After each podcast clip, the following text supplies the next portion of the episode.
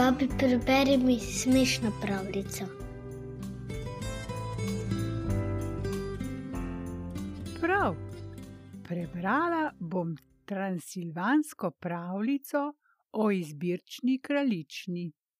Transilvanija je pokrajina v Romuniji, njeno ime pomeni dežela onstran gozda.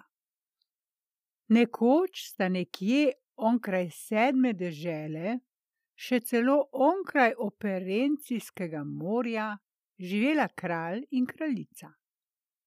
Imela sta čudovito lepo hčer.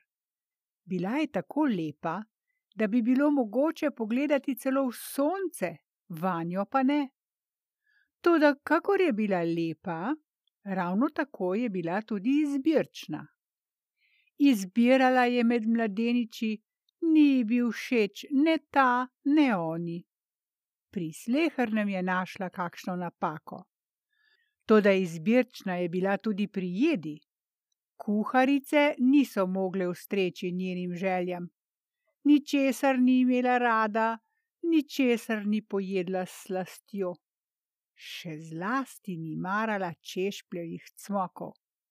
Ko so jedli te, takrat niti slišati ni hotela o kosilu. Kadar so jo mladeniči prišli snubit, so si kljuko kar podajali iz rok v roke. In lahko so si jo, kajti izbirčna kraljična jih je vse po vrsti zavrnila. Njen oče je bil nanjo že jezen kot le kaj. Pravi ji takole: Poslušaj me, ljuba moja hči. Če pride sem kaj samo še en mladenič in boš zavrnila tudi tega, lahko greš za njim po svetu, naj te ne vidim nikoli več. No, to pa se je zgodilo takole. Kraljevič iz sosednjega kraljestva je slišal, da živi tu neka lepa kraljična in bi jo moral on zaprositi za roko. Oče in mati sta dejala kraljeviču: Nikar ne hodi tja, ljubi sin, kajti tako izbirčna kraljična je, da ji nisi všeč samo ti, marveč nobeden. Toda mladenič se je odločil, da bo poskusil, pa naj bo, kar hoče. Odšel je tja in povedal kralju, čemu je prišel. No, kralju bi bil ta mladenič zelo pogodu, kajti z njegovim očetom sta se nekoč skupaj vojskovala in sta si bila zelo velika prijatelja. No, si je mislil sam pri sebi kralj, če moja hči tudi temu mladeniču ne bo šla za ženo, potem bo vse, dokler bo stal svet, ostala dekle. Ne bom ji dovolil, da bi si koga vzela za moža. Velel je poklicati svojo hčer in ji rekel: No, draga, ljuba moja hčerka, zdaj pa, ali greš za ženo temu mladeniču ali nikomur drugemu? Kraljična je odšla tja, si mladeniča dobro ogledala od spredaj, od zadaj, od spodaj navzgor, od zgoraj navzdol, ter od glave do peta in se nakremžila. Jaz, da bi šla temu mladeniču za ženo, še svojih čevljev mu ne bi dovolila očistiti, ne pa da bi mu postala žena. Ej, kako je bilo kraljeviča sram, toda celo kralju je bilo sila nerodno. Na ves glas je zaupil na hčer. No, ljuba moja hči, če tebi niti ta mladenič ni všeč, potem naj nikoli več ne slišim, da se želiš omožiti. Si razumela? Kaj ti, če bom o tem kaj slišal ali zvedel, te še napodim iz dežele. Kraljevič je ves žalosten odšel in si mislil sam pri sebi, da vendarle ne bo odnehal. Nadev si je kočijaško obleko, vzel na moč lepe citre ter odšel nazaj v kraljevo palačo in se javil pri kralju, če morda potrebuje kočijaža. Kralj se je razveselil. No, ravno pravi čas prihajaš, ljubi sinko. Kaj ti ravno kar je moj kočijaš odšel in te tako na moč potrebujem? Kralj mladeniča ni prepoznal, kdo je. No, mladi kočijaš je dobil posebno sobo, in ko je končal svoje vsakdanje delo, je vsak večer ostal v svoji sobi. Vzel je v roke citre in tako lepo zaigral na nje, da tega ni mogoče povedati. Igral je pesmi, ki so bile druga lepša od druge, in v kraljevi palači so se vsi sluge in sluškinje zbrali pod njegovim oknom in poslušali kočijaževo igranje na citre. Kraljična je imela sobarico in ta se je slehrni večer prikradla pod okno mladega kočijaža ter poslušala njegovo igranje na citre. Nekoč je bilo kraljični tega že dovolj in vpraša sobarico: Kot pa si vsak večer, ko te potrebujem, te nikoli nimam pri roki. Joj, vaše veličanstvo, kraljična, se je branila sobarica. Tu je neki nov, mlad kočijaš, ki tako lepo igra na citre, da česa takega še nikoli nismo slišali. Vsi sluge in služkinje iz cele palače postavamo pod njegovim oknom sleherni večer in poslušamo igranje na citre. Tako čudovite citre ima. Kraljično je hudo mučila radovednost. Mislila si je, da se bo ob priliki prikradla dol in tudi sama prisluhnila. Tako se je tudi zgodilo. Prikradla se je dol in nastavila uho pod okno.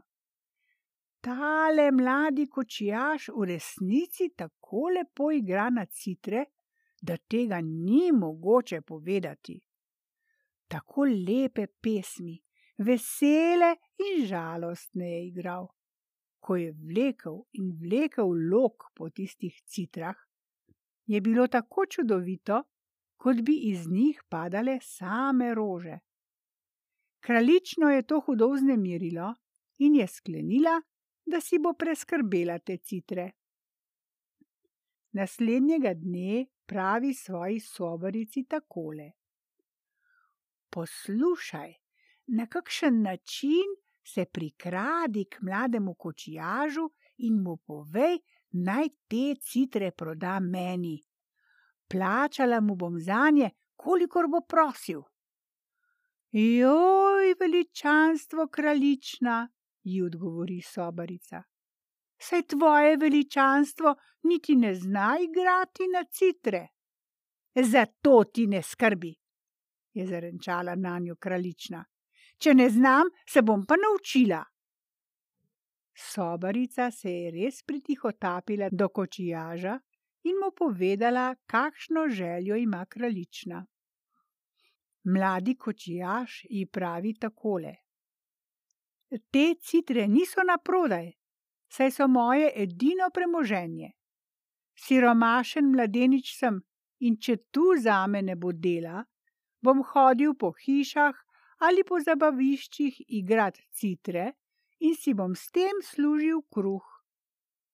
Kraljično je popadla neznanska jeza, da mladi kočijaš tako govori z njo. Zvečer ko ljudje še niso stali pod tistim oknom in je nihče ni mogel videti, se je prikradla v kočijaževo sobo in mu takole rekla: Poslušaj, kočijaš, mar veš, komu si poslal sporočilo? Jaz sem kraljična. To dobro vem, da je tvoje veličanstvo kraljična, ji je ponosno odvrnil kočijaš. Toda tudi, ko bi bila kralj, teh citer ne bi prodal nikomur. Toda kraljična tako tako, pa tako, da bi mu jih plačala, da bi jih kupila za drage denarje, samo da bi ji te citre dal. Takole pravi kraljevič, hočem reči mladi kočijaš. Prav, posodil vam jih bom, da se naučite igrati na nje, in ko se boste naučili, tedaj vam jih bom dal. Toda slehrna vaja velja en poljub. Prav, se je pogodila kraljična. Saj tega nihče ne bo videl, si je mislila sama pri sebi. Sklonila se je in kočijažu pritisnila na obraz smokast poljub. Tedaj je kočijaž dal kraljični v roke citre in lok in vlekel z njim sem ter tja, ter ji kazal, kako naj se nauči igrati. In tako je šlo en večer, dva večera, tri večere. Kraljična pa se je tako dobro naučila igrati na citre, da je že skoraj popolnoma znala. Kralj je opazil, da kraljične ob večerih nikoli ni v njeni sobi. Mislil si je sam pri sebi, da bo že izvohal, kot bi mogla biti. Glej, in ob priliki vidi, da gre kraljična h kočijažu v njegovo sobo. Kralj se brž prikrade tja blizu in opreza skozi okno. Kraljična je ravno tedaj poljubila kočijaža. Kralja je popadla jeza, beste plentaj. Tak, ko so jo prosili za roko mladeniči, drug boljši od drugega, grofje, vojvode, viteški, ciganski mladeniči, za nobenega ji ni bilo mar, in zdaj poljublja tega kočijaža, no, lepo čakaj. Odprl je vrata in zakričal na nju. Kraljično je res postalo strašansko sram, da je je oče zalotil, kako poljublja mladega kočijaža. Poberita se mi iz hiše oba, kaj takega, kraljična se ne sramuje, poljublja mladega kočijaža. Kako si si pa ti upal zapeljati mojo hčer? Ti malo pridneš, tak in tak in tak, se je hudoval kralj. Kočijaš je pobral svoje stvari in se nameril, da z velikim veseljem zapusti palačo. Toda tedaj je kraljična pritekla za njim in ga roteče prosila: Vzemi me s seboj, mladi kočijaš, kam naj grem, nikogar ne poznam. Oče me je spodil in kaj bo zdaj z mano?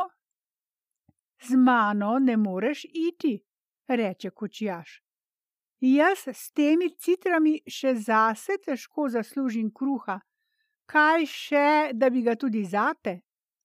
Poleg tega nas je doma veliko, dvanajst bratov in sestra iz strašansko revne družine sem. Jaz sem najstarejši. Kako naj te pripeljem domov? Tam ni kaj jesti in slišal sem, da niti češpljevih cmakov ne maraš. Zato ne skrbi, kočijaš, samo vzemi me sabo, ga je milo prosila kraljična. Prav, če pač hočeš, tedaj pridi. Prijel jo je za roko in sta krenila na pot.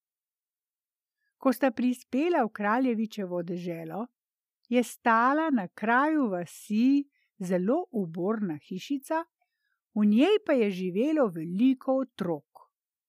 Tu je stanoval opekar s svojo ženo. Takole ji pravi kočijaš kraljevič.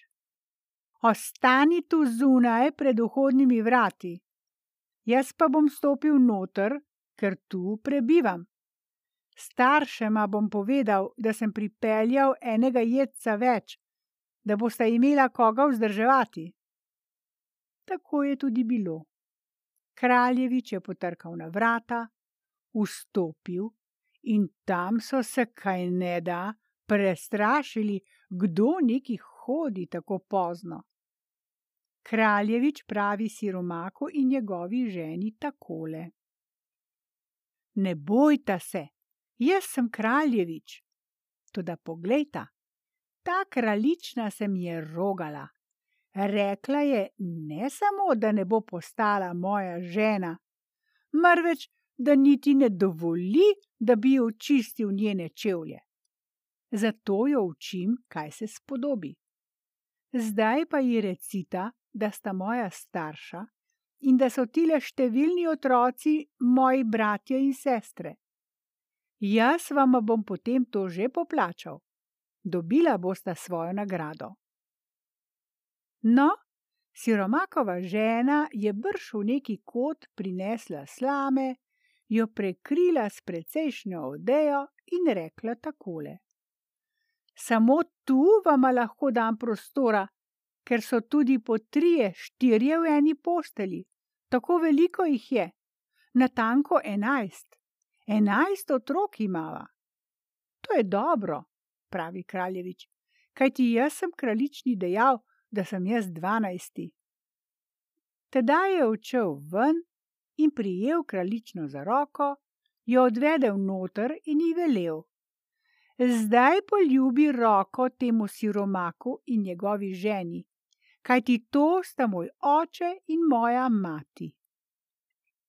Kraljična se je ozrla naokrog in celo solze so ji privrele na oči od sramu, kam da je prišla.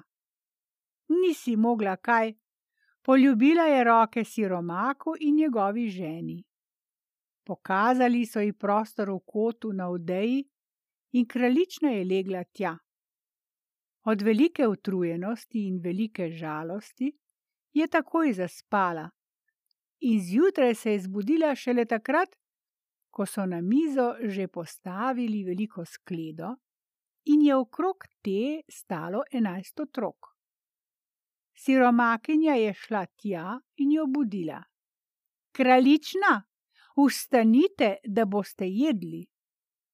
Kraljična je kradoma pogledovala proti tisti skledi in si mislila sama pri sebi: Moj bog, kako naj jem skupaj s toliko otroki? Kaj naj storim?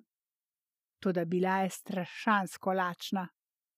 Siromakinja je znova prigovarjala: Kraljična, vstanite, ker sem skuhala češpljeve cmoke. Joj, še nikoli v življenju jih nisem jedla, si je sama pri sebi mislila kraljična. Le kako jih bom pojedla tu?